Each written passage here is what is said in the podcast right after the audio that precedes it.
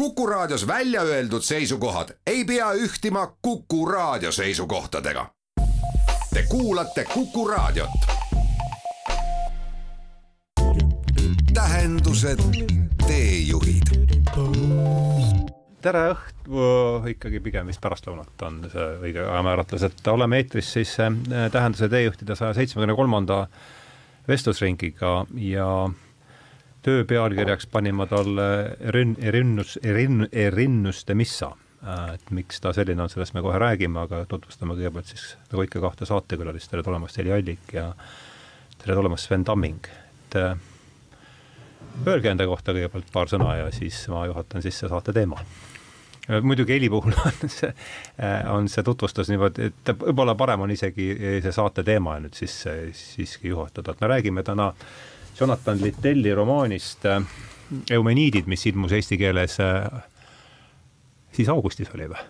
tuli, suvel tuli välja, eks, et kahjuks meil ei ole küll eestikeelset äh, raamatut siin kaasas, aga et on üks saksakeelne tõlge tuli kaks tuhat kaheksa vist välja, vaatasime just, et, et on meil siis plaanis täna rääkida sellest raamatust ja, ja Heli Allik on selle raamatu tõlkija. Ja, ja, ja Sven Tamming on siis tänulik lugeja, ma saan aru, sa lõpetasid just mingi paar nädalat tagasi. ma lõpetasin jah, et see lihtsalt mulle üks eelmine teisipäev vist, et siis mul oli see raamat, raamat loetud et äh, sa veel ütlesid, kas sa nii paksu raamatu suutsid läbi lugeda või kas sa ikka oled seda lugenud, siis, siis ilmselgelt ma olen, et ma olen elus hästi palju, tõesti lapsepõlvest peale see raamatud on, on mu sõbrad olnud. on ka vaenlased ja vaenlastega tuleb ka hästi läbi saada nagu sõpradega. et paksud raamatud üldiselt on head, midagi ei ole teha, et eriti kui on, on tõlgitud eesti keelde, siis või üldse tõlge on tehtud, siis ilmselgelt tuhandeleheküljelist raamatut vaevalt, et keegi tõlkima, tõlkima oleks nõus hakkama ma isegi nõus oleks, kas on seda mõtet tõlkida, eks ju, et, et, et ilmselgelt ta peab olema hea, et, et kui kirjanik selle ette on võtnud ja ja kõik mu lemmikraamatud paraku on paksud. noh, kas tuhat, tuhat peale, eks ju, et, et, et ütleme top, top kümme raamatut kindlasti on, on, on, on ikka mitmeköitelised ja, või vähemalt, vähemalt paksud raamatud. Aga Eri, et kuidas sina, kuidas sa oled siis, sa oled raamatu tõlkinud, et kuidas, kuidas sa selle raamatuni jõudsid kõigepealt üldse no kuna ma olen ähm juba rohkem kui poole oma teadlikust elust olnud seotud Prantsusmaaga ja prantsuse kirjandusega, siis eks ikka ma hoian silma peal äh, sellel, äh, mis seal toimub.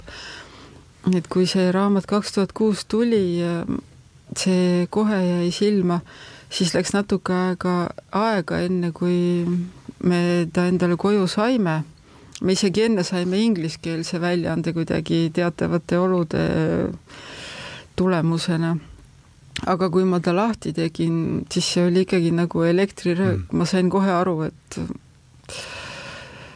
jah, aga, aga tükk aega läks aega, enne kui ma julgesin ähm, nagu lõpuks öelda ka kirjastusele Varrak, et ma tahaks seda väga tõlkida. Ah, see enda initsiatiiv oli, jah? kuidas? see oli su enda initsiatiiv? ja, ja absoluutselt. meil oli, on selline tore tõlkijate, tähendab filosoofia ja ilukirjanduse tõlkijate väljaanne nagu Tõlkija hääl ja seal meil oli kõige esimeses numbris, kui me selle tegime aastal kaks tuhat neliteist Prantsuse tõlkijate vestlusring ja siis seal kuidagi ka lõpuks mm, Jan Kaus küsis kõigilt, et noh, mida veel peaks tõlkima ja siis seal kuidagi igaüks üritas nagu oma selliseid lemmikuid või selliseid ideefikse kuidagi rüütada sellise rahvusliku vajaduse ähm, mundrisse ja mina sinna selle Litteli ikkagi panin kohe, sest mul oli tõesti tunne, et seda on vaja mitte ainult mulle, vaid kõigile. aga siis läks veel äh, neli aastat mööda, kui ma julgesin seda mainida Krista Kaerale ja siis ta kuidagi õnneks hakkas sellest kinni. üritasid lemmikuid rõivastada rahvusliku vabaduse mundrisse. jah ähm, ilus ähm, kokkuvõte toimuvast aga sina, äh, Sven, kuidas jõudsid äh, raamatuni? trepi peal rääkisime. kuna ma loen päris palju ikkagist, ma arvan keskmisest äh, ikkagist rohkem, ma ei taha nüüd keskmist inimest ja keskmine on üldse selline väga-väga väga abstraktne mõiste ja ei sobi tegelikult mulle endale, positsioneerimine oli minu teema, ütleme -hmm. ausalt, et, et mulle see, mulle see on niisugune poliitiline pigem, pigem, pigem lähenemine asjadele, et kuna ma loen palju, siis ma pean ikkagist mingeid valikuid tegema mingitel hetkedel. Ja kuidagi sattus Eks-, Ekspress on üks koht, ma ikkagist Ekspressi üldjuhul, kui kolmapäeval ilmub, siis äh, ma loen selle raamatu. see on tavaliselt iga, iga, iga nädal raamat tutvustab ja aga alati ma ei loe seda, aga seekord sattus ette, esimene asi, nagu ma ütlesin juba korra, et kui on paks raamat, sattus paks ette, eks, ja pikem, pikem tutvustus oli, et siis ma sattusin kohe konksu otsa. kes selle kirjutas? et äh, ma isegi, et väga aus olema, tõesti, ma ei mäleta. Vostov kirjutas jah. Oli, oli, oli nii jah ja. ma praegu isegi oleks, kui sa nii ütlesid, ma isegi oleks sulle vastu, vastu vaielda ei oleks, ega ma kuidagi arvasin, et ei ole. ei, ta Jaa. oli seda raamatut enne lugenud ka, ta oli juba aastal kaks tuhat kaheksateist, kui Underi Tuglase kirjanduskeskus korraldas ka ühe vestlusringi sellel teemal. jah, oli küll, mul tuleb meelde. seal oli Eneken Laane, Saare Pilv, Andrei Vostov ja mina, aga noh, siis ei olnud loomulikult üldse eestikeelset raamatut, siis see noh, igaüks oli lugenud seda tõlget, mida ta oli lugenud ja natuke see oli seotud sellega, et NO teatris Jah. oli kaks tuhat seitseteist etendus ka. nii et, et see natukene üritas puudutada ka seda Tiina lavastust. mängis seal. jaa, just. ja Gert Raudsepp vabandust, kas etendus oli samanimelise, oligi? Oli, oli. ei olnud, ei mis olnud, etenduse nimi oli? heasoovijad, hea hea soov. soovijad, jah jah aga, aga temaatika oli siis üks, võetud nagu, süžee oli üks-ühele või, või, või ikkagist oli kohandatud kõvasti? tõenäoliselt oli ikkagist kohandatud? ei, ei, ei, ei, Ei olnud, olid, Nagu need olidki pikad lõigud raamatust, aga see mm, noh, kuna raamat on, eks ole, tõesti kohutavalt paks mm, -hmm. siis seal oli keskendutud öö, mm, venna-õe suhtele kõige ah, rohkem. muidugi jah. Seal oli muidugi muid asju ka, aga tõesti kõik ei mahu öö, teatrilavale, isegi kui etendus kestis ka kolm tundi, absoluutselt. nii et ähm, aga olgem ka ausad, et ütleme, see soe, ma ei mäleta, kas see oli täpselt kolm tundi, aga see oli väga pikk etendus, igal juhul väga pikk. ma muidugi vabandan, ma see, see oli lihtsalt nii hea temaatika, et ma oleks sellega tegelikult alustanud oma jutuga, et ma, minu arust see oli üks võib-olla su- suurimaid armastusromaane üldse. Kui, kui selles kontekstis võtta, mis siis üldse nii must ja tumedapoolne, eks, et et, et pärast Romeo ja Juliet viissada aastat tühimik tuli täita kuskilt, seal täideti see ära.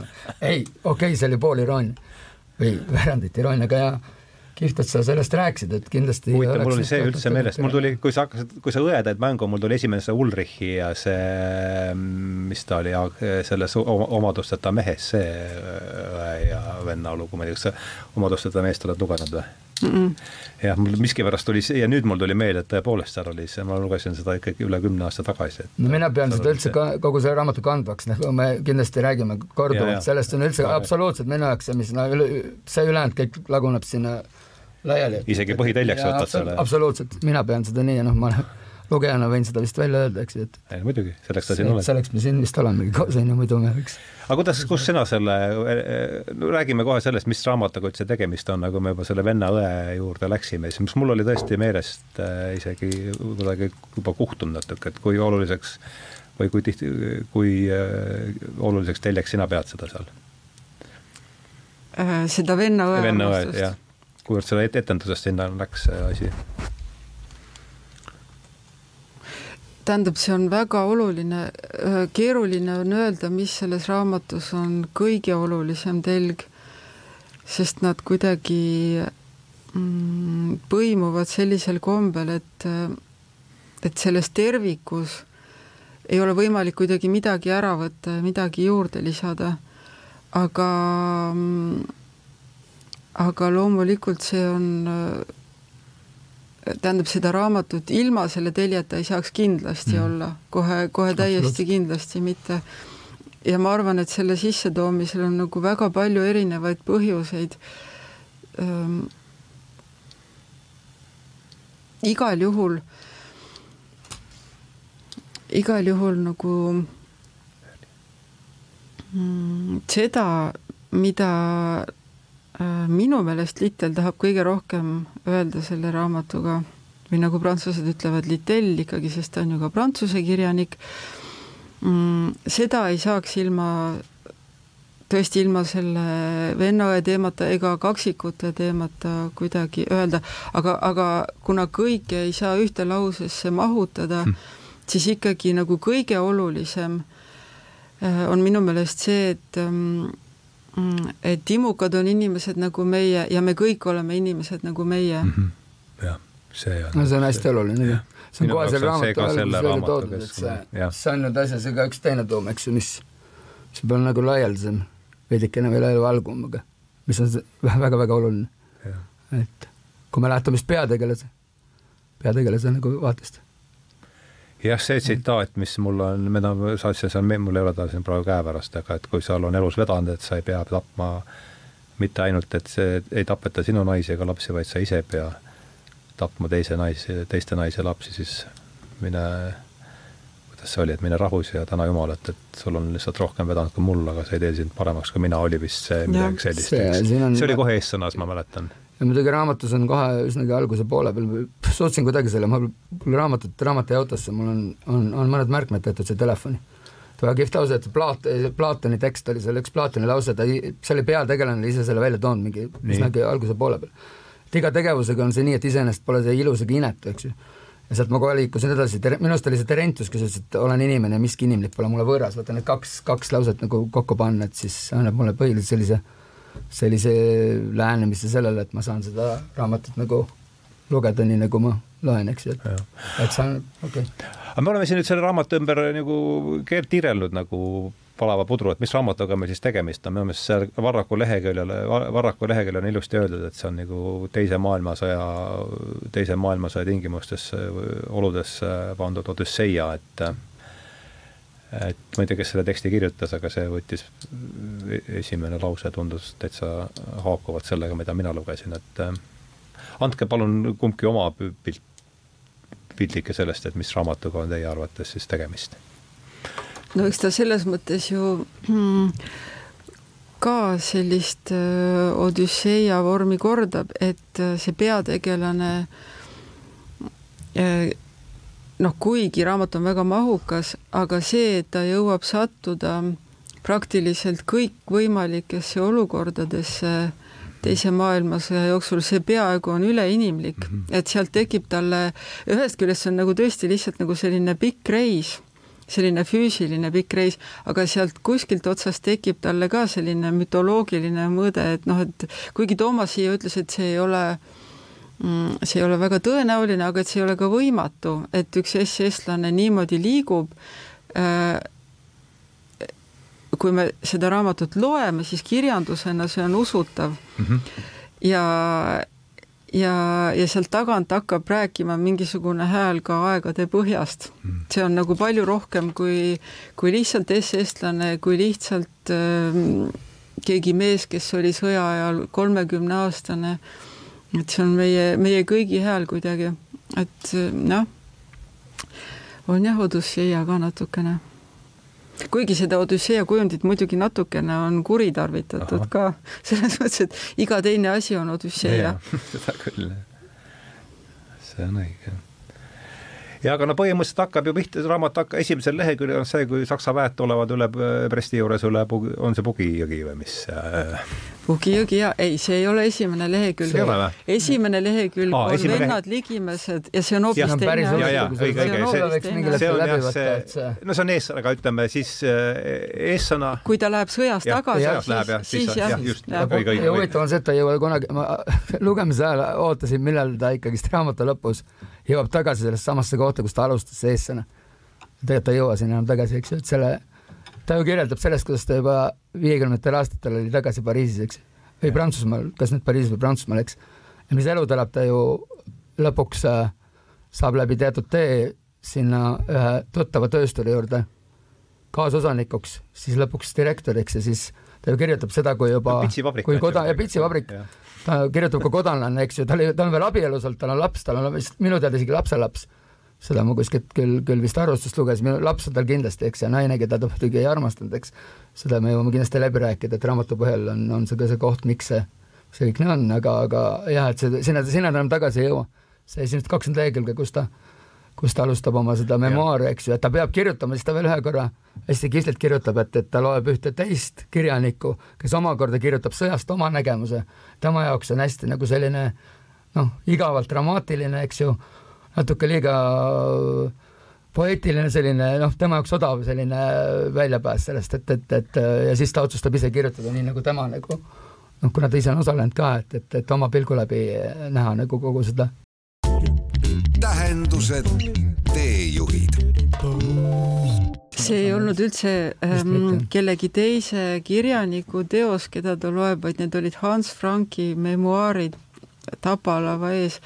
Ja, ja see, mida ta äh,, mida ta tahtis öelda, on see, et ta ei hakka ealeski tegema selliseid nõretavaid kahetsusi, nagu need natsid, kes siis olid ähm, noh, kinni võetud ja kes ootasid oma kohtuotsust või kuidagi mm, Äh, kas nad tundsid päriselt süümepiinu või siis nad arvasid, et nad pidid neid kuidagi etendama, aga seal üks ja teine kirjutas äh, raamatuid, ka Höss kirjutas mingisuguseid selliseid ähm, noh, vagasid raamatuid ja, ja Max Aue tahab öelda, et, ähm, et ta ei taha teha seda sest see on ju tõsi, et kui sa oled lihtsalt elus teinud need teod, mis sa oled teinud, siis see kõik lõpetada mingisuguse nõretava patukahetsusega äh, nii, et see pole isegi kindel, et see on üldse siiras.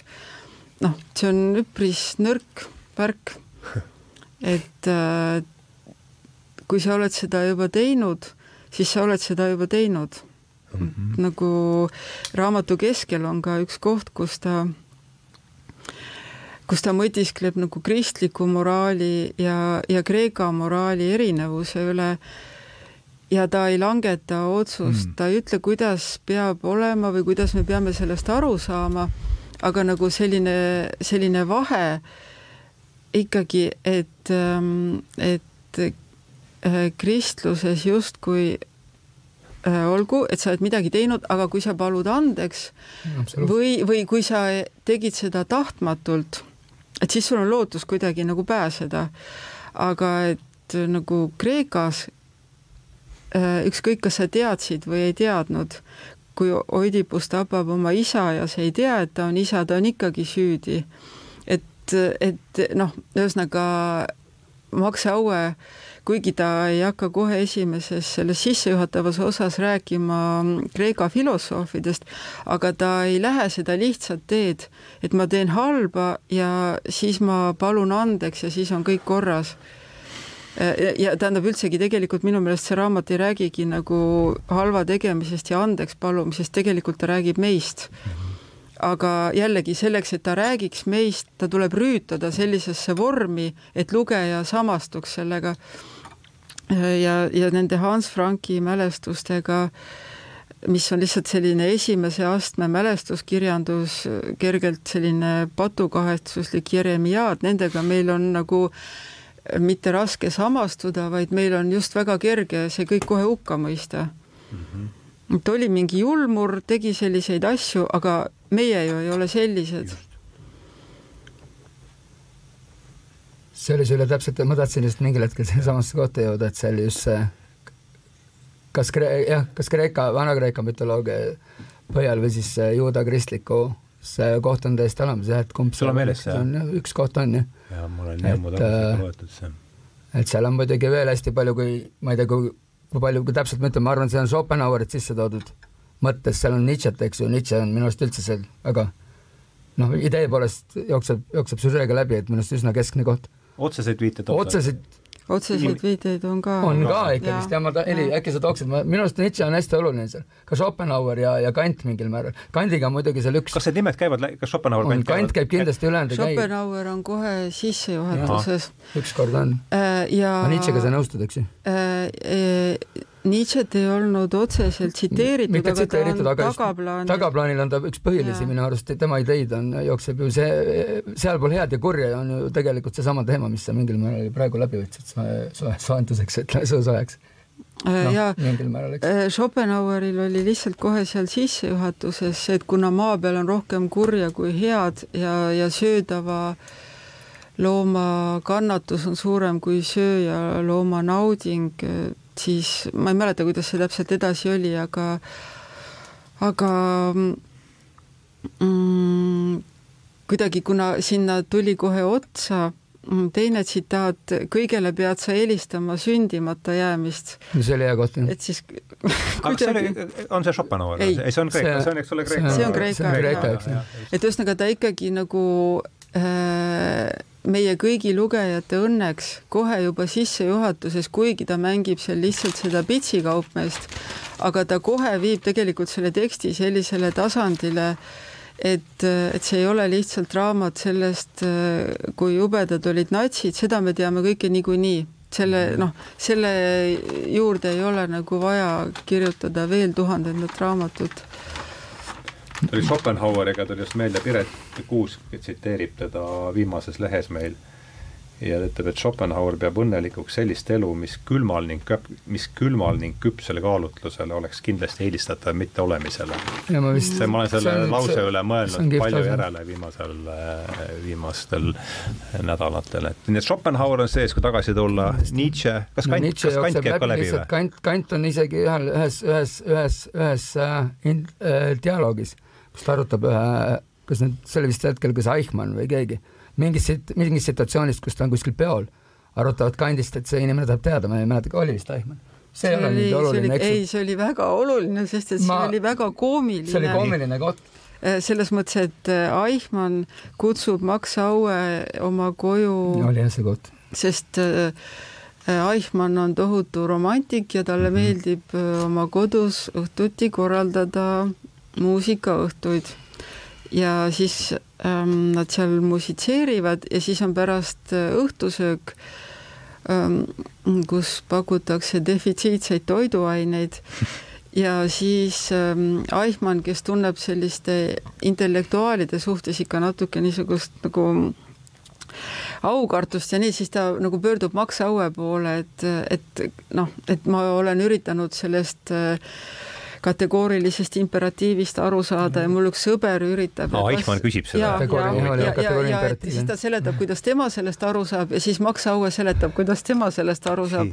siis on väga selline pikk dialoog ja siis pärast Max Aue läheb koju siis ta mõtleb, et ma ei teagi, miks ma lasin sellest kõigest ennast kuidagi kaasa mhm. vedada, et tegelikult ma rääkisin sellele vaesele, vaesele Auchmannile, Eichmannile nagu, mis sülg suhu tõi, et tegelikult ma ei tea sellest kategoorilisest imperatiivist nagu mitte midagi. ühesõnaga jällegi selle raamatu suur tugevus on see, et et need, need, need inimesed kogu aeg pannakse märkamatult sellisesse täiesti grotesksesse koomilisse positsiooni, et, et, et selline Eichmanni selline noh, rumal karjäärihimu ja selline nagu Littell ise on öelnud ühes intervjuus, see ei ole raamatus, aga et tal ei olnud isegi nagu konkreetselt mingit juudi viha ega üldse mitte mingit viha, ta oli lihtsalt äh, oportunist ja et tänasel päeval ta oleks õudselt hea äh, näiteks äh,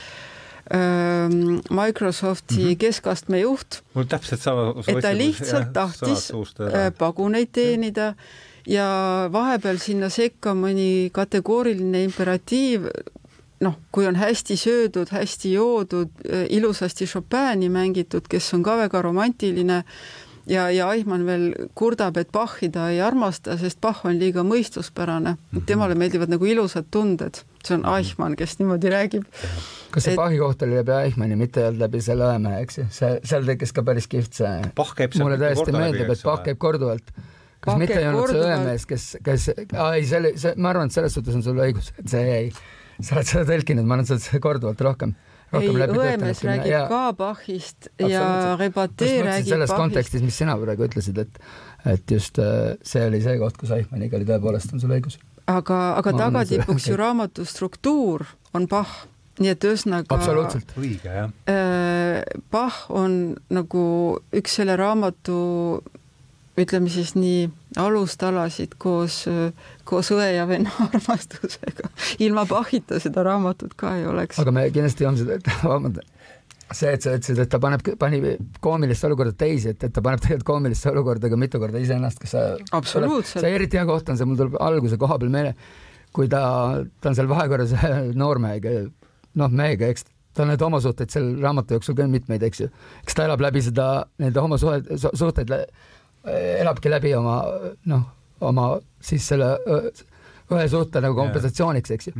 Ja see koht, kus ta nagu lõpuks äh, tegelikult jääb ju vahele kellegi poolt viiakse ülekuulamisele ja siis ta lõpetab kuidagi, ta pääseb sellest lõpuks sellest süüdistusest, sest no ikkagist homokuriteod olid Natsi-Saksamaal vist üsnagi, minu arust kas Hitleri enda poolt küll mitte, aga Hitler ise, seal on raamatus välja toodud, Hitler oli andnud siis sellele järgmisele, kas Reichsführerile, oli vist andnud korralduse nagu üsnagi vabad käed anda.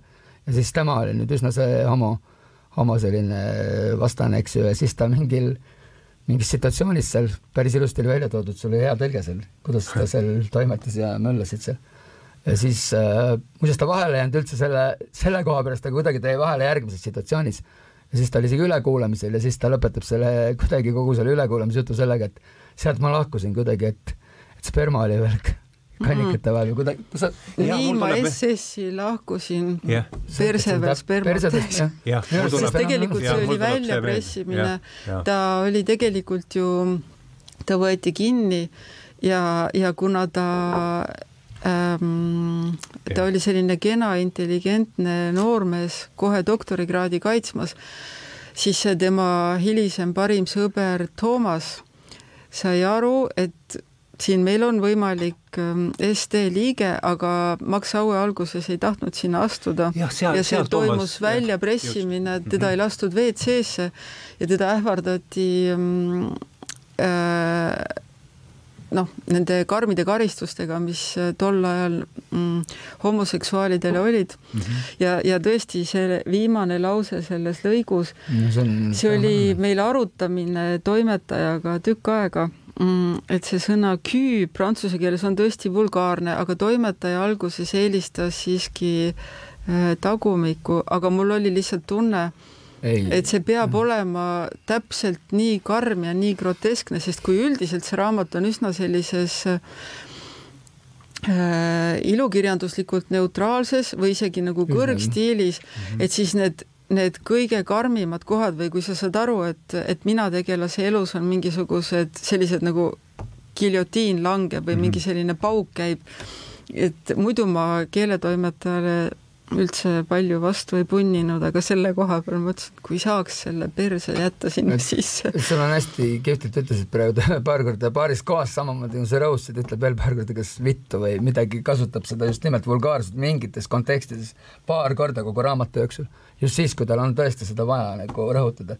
Just vulgaarsust, mitte seda, et nagu ja, ja ju siis on see ilmselge vajadus, see ei ole mingi niisama rütm, rütmivahetus. rütmivahetus, eks ju, et sa ütled õieti, et ju siis on see nii vajalik selles, selles osas, eks ju, et ta seda niisama ei, ei ütle. ei no rütmi ja, ja noh, see ka, et eks ju kogu see, kogu see mm, äh, kogu see kogu see SS-i kultuur, kõik see Saksamaa selline ornung, kõik need kaunid kunst, kunstid, kogu see asi nagu üritab tohutu jõuga olla kuskil nagu pinna peal hoida mingit korda mm -hmm. ja, ja tegelikult ju aeg-ajalt volksatavad välja need sellised hoopis tumedamad alateadlikud äh, asjad tema seest, mis tegelikult struktureerivad kogu tema elu ja, ja, ja noh, mul on tunne, et, et neid sõnu siis sinna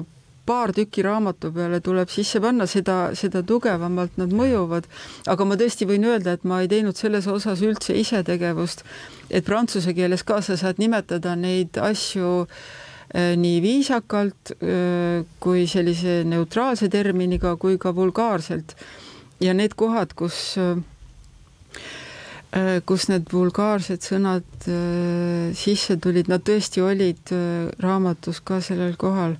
aga no üks teine nagu hästi tugev koht oli ka seoses selle Helenega, keda ta ikkagi peaaegu üritab armastada tahtsin. seda peaaegu kas armastada. Helene on nüüd, oli tõde või? ei, Helena Ei. oli, äkki Helena oli tal, tal tekkis seal raamatu keskel ühes kohas tekkis, kui ta käis selle Toomasega. mis see õe nimi oli? Õe nimi Uno. oli, hästi Uno. huvitav nimi oli Uno jah. Ei, tal tekkis lihtsalt seal ujulus üks väike selline afäär, et äh, millest arenes, pigem tutvus, millest arenes välja väike afäär. et siis selle naise nimi oli Helena, et sellest on nüüd päris, noh, see on paarsada lehekülge jookseb läbi, kuni ta lõpuks ära kaob sinna raamatu süžeeregastikku. aga, aga see sinu eelmine tekst, mis ma tahtsin kindlasti kinni, mina eraldaks näiteks väga palju üldse, millega ma tahtsin tänast, tänast teemat üldse või enda nagu lugu, enda mõtet nagu avaldada, ongi see, et mina eraldaks üldse selle peategelase ja, ja siis selle sõjaosa täiesti kaheks eri osaks. et, et mulle meeldib nagu niimoodi mõelda.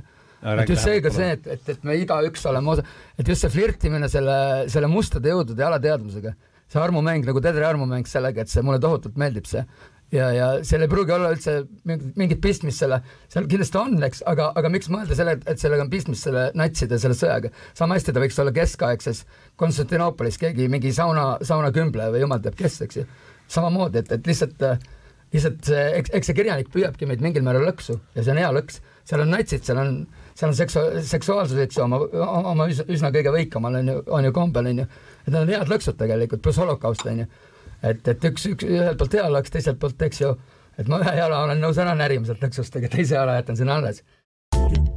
tähendused, teejuhid vot see oli teine koht, kus mul Viki oli aeg käes, seal oli kümme eri rahvust, sakslased ajasid tegelikult geneetiline, mingi geneetilisi jälgi, no selle, noh, nende tehniliste vahendid, mis sellel, see oli ulme, see on ka niisugune koht, mis tegelikult ei ole nagu julm otseselt, aga seal on neid kohti hästi palju, kus see julmus tuleb nagu hoopis, nii nagu sa ütlesid ennem, need toiduratsioonid, eks ju, kus, kus öeldi, kas me anname nüüd nendele nõrgematele natuke vähem, laseme ära surra ja anname tugevamatele natuke rohkem, et jõuaks veidike tööd teeks, tegelikult need kohad nagu on eriti julmad läbi selle, et tegelikult nagu kohane ei ole mitte midagi erilist, on ju, kui sa nii loed, on ju. kui sa isegi konteksti teaks, siis ta täitsa mõttetu koht on ju selle koha pealt, loeks nagu lasteraamat, aga väga-väga julm on ju selles nagu mõttes, kui sa aru saad, millest nagu jutt käib, on ju, ja kuhu see, kuhu see kuhu, kuhu ta käib nagu ja see mägijõutude koht oli tegelikult mul, mina nendest mägijõutudest nagu väga-väga nagu ei teadnudki varem, ma lihtsalt kuulnud korra küll neist, aga aga no võib-olla, tähendab, seal oli kindlasti ka see eesmärk, et sinna sai nagu lehekülgede kaupa sisse pikkida seda äh, ajaloolist ülevaadet, siis sai sinna sisse pikkida tohutult mingisuguseid entsüklopeedilisi fakte, siis ühe väga sümpaatse keeleteadlase Vossi äh, äärmiselt keerulisi keeleteaduslikke arutelusid. Need on kõik seal sees? Need on kõik seal ja, sees. ja, ja, ja tähendab, minul nii lugeja kui tõlgijana nagu selles mõttes ikkagi ei olnud kuidagi kompositsiooniliselt küll küsimust, et miks see siin on et sa kuidagi saad aru, isegi kui sellel hetkel sa mõtled, et mik, miks kõik see teaduslik äh, diskursus siin nii massiivselt, sa saad kuidagi aru, et see peab kuhugi viima. Ja, ja et sa saad aru, et ähm, et ka Max Aue teadvuses nagu üks arutelu viib teiseni ja siis üks intellektuaalne diskussioon kuidagi ikkagi lükkab käima teise, et ta üritab seda kõike endale kogu aeg seletada, et, et kogu saksa rahvas üritas midagi endale kogu aeg seletada. Need argumendid kuhjuvad ja kuhjuvad ja mm, kuhjuvad mm, ja lõpuks see kukub lihtsalt kõik kokku. Ja, ja tõesti, see, see oli natukene ka lisas asjale koomilist momenti et pandi käima nagu väga suured uurimisrühmad, tohutud mingisugused grupid jooksid ringi pastakate ja paberitega, uurisid nende keelt ja ah,. ja küsimus oli see, kas nad siis lüüa. kas nad lüüa maha ja, ja. see oligi asi. ja, ja tegelikult need, need, need mägijõudid, nad kavaldasid tegelikult selle mm. tohutu masinavärgi üle, nii et nad jäid ellu et, et see kuidagi lisas nagu niisugust mitmeplaanilisust sellesse asja, et oli kohti, kus SS lihtsalt nagu noh, sõitis üle, tappis kakskümmend inimest päevas ja, ja läks järgmisse linna ja tegi sama ja korduvalt ja korduvalt ja korduvalt, aga, aga et lugeja ei jää ka sellesse kuidagi lõksu, et see nüüd oligi ainus, mida nad tegid või et see kõik niimoodi nagu töötaski, et ei, oli ka kohti, kus neile tehti ära, kus nad tõmmati osavalt lõksu. Mhm. mm.. et jällegi see lisab nagu, see lisab nagu sellele kõigele niisugust mm, mõnes mõttes isegi nagu inimlikku külge, et me saame sellest kõigest nagu paremini aru, sest kui meile nagu esitatakse niisugusi SS superkangelasi, siis jällegi nagu mm meil tekiks nagu natukene selline noh, et okei okay,, see on mingi raamat, aga meisse see ei puutu mm, -hmm. aga vot just nimelt lugeda, et ka SS vahepeal sai vastu pükse, vahepeal nad tõmmati haneks, et siis seda, seda rohkem sa oled tegelikult naha ja karvadega seal sees. jah, see pastakate ja paberitega need ringi, mul luge-, Ian, ma ei tea, kas Ian McElchristi nimi ütleb teile midagi, aga tema ühest intervjuust mulle ei, ja kui ma seda kuulan, mul tuli see meelde, see, mida ta ütles, et et kui me vaatame viimase saja viiekümne aasta kõige kurjemaid režiime, et siis on alasti olnud kolm üht, kolm üht, ühtlase või kolm siis koostisosa, abstraktne idee äh, hoomamatu bürokraatia ja tehnoloogia viimased saavutused, et see kuidagi mm.. see vist hakkas mulle silma, see on viimasest lehest. see viimasest lehest ma jah tsiteerisin seda, et kui ma seda noh, ütleme filter on valmis, siis ma kuulan ju juttu läbi filtri niikuinii, aga kuidagi see kõik haakub mulle sellega, mis ta mis siin, mis siin oli, aga ma ei tea, mis mulje sul, sul Sven jäi äh, sellest, et kas ta, ega ta ise otseselt ju väga oma käsi vist mul, mulle, kui muidugi ema ja, kui see nüüd ema ja võõras isa langesid.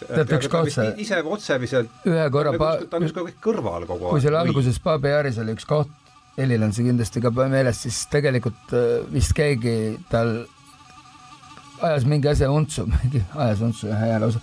igal juhul ta läks sinna ja tegi, kas keegi jäi vist ikkagist ellu ja ta märkas seda onju. nii, nii nagu ikka juhtus, vot see sinu see raamat, mis on olid vist tavalised inimesed, kes teevad temaatika oli sama, eks ju, et see on sama, et, et, et no, tegelikult noh, rakendati hukkamis, hukkamis nende toimkondade to,, toimkondadesse tavalisi inimesi, eks ju, tänavalt. Noh, whatever, kes tuletõrje raamatupidaja, eks ju, et siis keegi pani, pani siis puusse ja jäi inimene elama, neid ei teadnud päris palju ja paljud said isegi põgenema, aga siis Aavo läks ja lihtsalt lasi ta maha, eks ju. Et tegi see oli mingi ala, ala, alastus? see oli üks koht ja alastus, nojah, mis selles mõttes oli, selles, sellest kohast eh, jäi ju selles mõttes posi-, kuidas, kuidas öelda, et, et alastus laske, et, et, et äh, see oli kuidagi niimoodi, et ta, ta katsus sellest mööda hiilida alguses. Ja siis tema ülemus ikkagi käsutas ta sinna kohale ja siis ta nagu sunniti sinna alla kraavi neid surnuid, tähendab just nimelt haavatuid nagu maha laskma. Ja siis oli tal selline deliiriumi hetk. et, see on seal Babijaaris ikka? jaa, deli-, deliiriumi hetk, ta ei saanud nagu aru enam, tal oli nagu tunne, et ta käsi nagu liikus temast eemale ja lasi ise. nii et ühesõnaga, see mm -hmm. oli praktiliselt ainus kord, kui ta nagu sõja tapmistes osales, aga siis ka nagu autor on kohe telli-, teinud sellise võtte, et ta justkui osales, aga see oli selline esimene nagu kerge teadvuse nihe, et ta osales, aga käsi mm -hmm. liikus tast eemale ja ka hiljem kõik need korrad, kui tal üldse kuidagi mingisugune pistmine tuli tapmisega, siis ta tegi seda kuidagi nii, et ta ei olnud nagu oma peas kohal nagu oma oma kehaga ta võib-olla kuidagi tegi seda, aga see on nagu niimoodi kirjeldatud, et tema mõistus kunagi nagu ei olnud seal mm. -hmm. nii et, et see asi jääb selles mõttes nagu lahtiseks, et, et et, et tahtis või ei tahtnud, me jällegi ei saagi seda teada. kui me jätame et... selle ühe koha välja, kus ta ikkagist viimasel, viimasel leheküljel põhimõtteliselt viimane Toomas ju tegelikult. ja, ja, ja, ja, ja Veeseri ta tappis ka teadlikult jah, tõesti. Need, need aa, selle, selle jah. ühe uurija tappis ka teadlikult. ühe uurija, eks ju, ja siis Hitleri lammustas, vot see oli hea see iroonia, millest ma arvan, seal ikka päris palju neid kohti ikkagist oli kokku. see, kus Hitler rammustab nina otsast ära, see on päris hea koht ikkagist. oota, mis sa ei mäleta seda kohta jah? on lõpupoole, ta hakkab juba see põge-, sealt hakkabki tal see põgenemine pihta ju, ta omakorda viie, ta ju, ta saab ju selle aukõrgenduse, Hitleri juures on veel see punkris on see vastuvõtmine nendele ohvitseridele, eks ju. ja siis tema kord on seal, ta vaatab, kuidas siis Toomas saab veel, Toomas oli vist vast üks aste kogu aeg kõrgemal, eks ju, siis Toomas vist ma ei mäleta, ma kogu aeg jälgisin, mul päris huvitav oli jälgida, sinna taha oli tabel toodud, sa mäletad väga hästi, need äh, auastmed seal, üks neliteist tükki, Sturpen, Obersturpen, Gruppenführer, eks ju et ma kogu aeg jälgisin, päris huvitav oli lihtsalt jälgida, et kes on kes, siis see Riceführer muidugi kõige kõrgem, eks ju, ja siis ta vist sai nüüd, ma ei tea, kas ta sai hobe, ta sai igal juhul järgmise selle, selle auastme, siis ta nägi need teised ära, see oli tema kord ja sel hetkel, kui Hitler hakkas talle seda nagu kaela riputama ma nüüd ei oska sõna selle, ma arvan, et sellel samal hetkel, siis ta hammustas Hitlerit nina peale ja sealt hakkas see tsirkus, siis ta pandi, siis ta viidi muidugi autoga maha laskmisele, aga siis ta sai, kuna see pomm tabas autot, siis ta sai sealt kuidagi põgenema ja siis läks see lõplik, see delirioosne põgenemine mööda neid auklikke suitsevaid seda ja, Berliini neid purustatud tänavad. see lõpp läks kaunis unenäoliseks. jälle une, see une -hmm., noh, aga küll real, realistlikum unenägu, mitte enam sihuke nagu unenäoline unenägu, eks. et see jah ja., see oli, see oli, sihuke lõpp oli päris, päris kihvt. tahad sa lisada sellele kuuldule ähm,? tähendab, ma lihtsalt ähm, ütlen, et äh, et keset, äh, keset raamatut ähm, selles Pariisi osas on üks selline koht, kus ta meenutab oma üliõpilaspõlve ähm, räägib seal nendest Pariisi intellektuaalidest, mm. kellega ta tutvub ja siis sõja ajal ta läheb sinna uuesti tagasi. Ja siis ähm, ta läheb Toomasega koos ja siis ta läheb uuesti sinna nende Prantsuse intellektuaalide juurde. Ja siis nad kuidagi midagi seal tögavad, teda narrivad.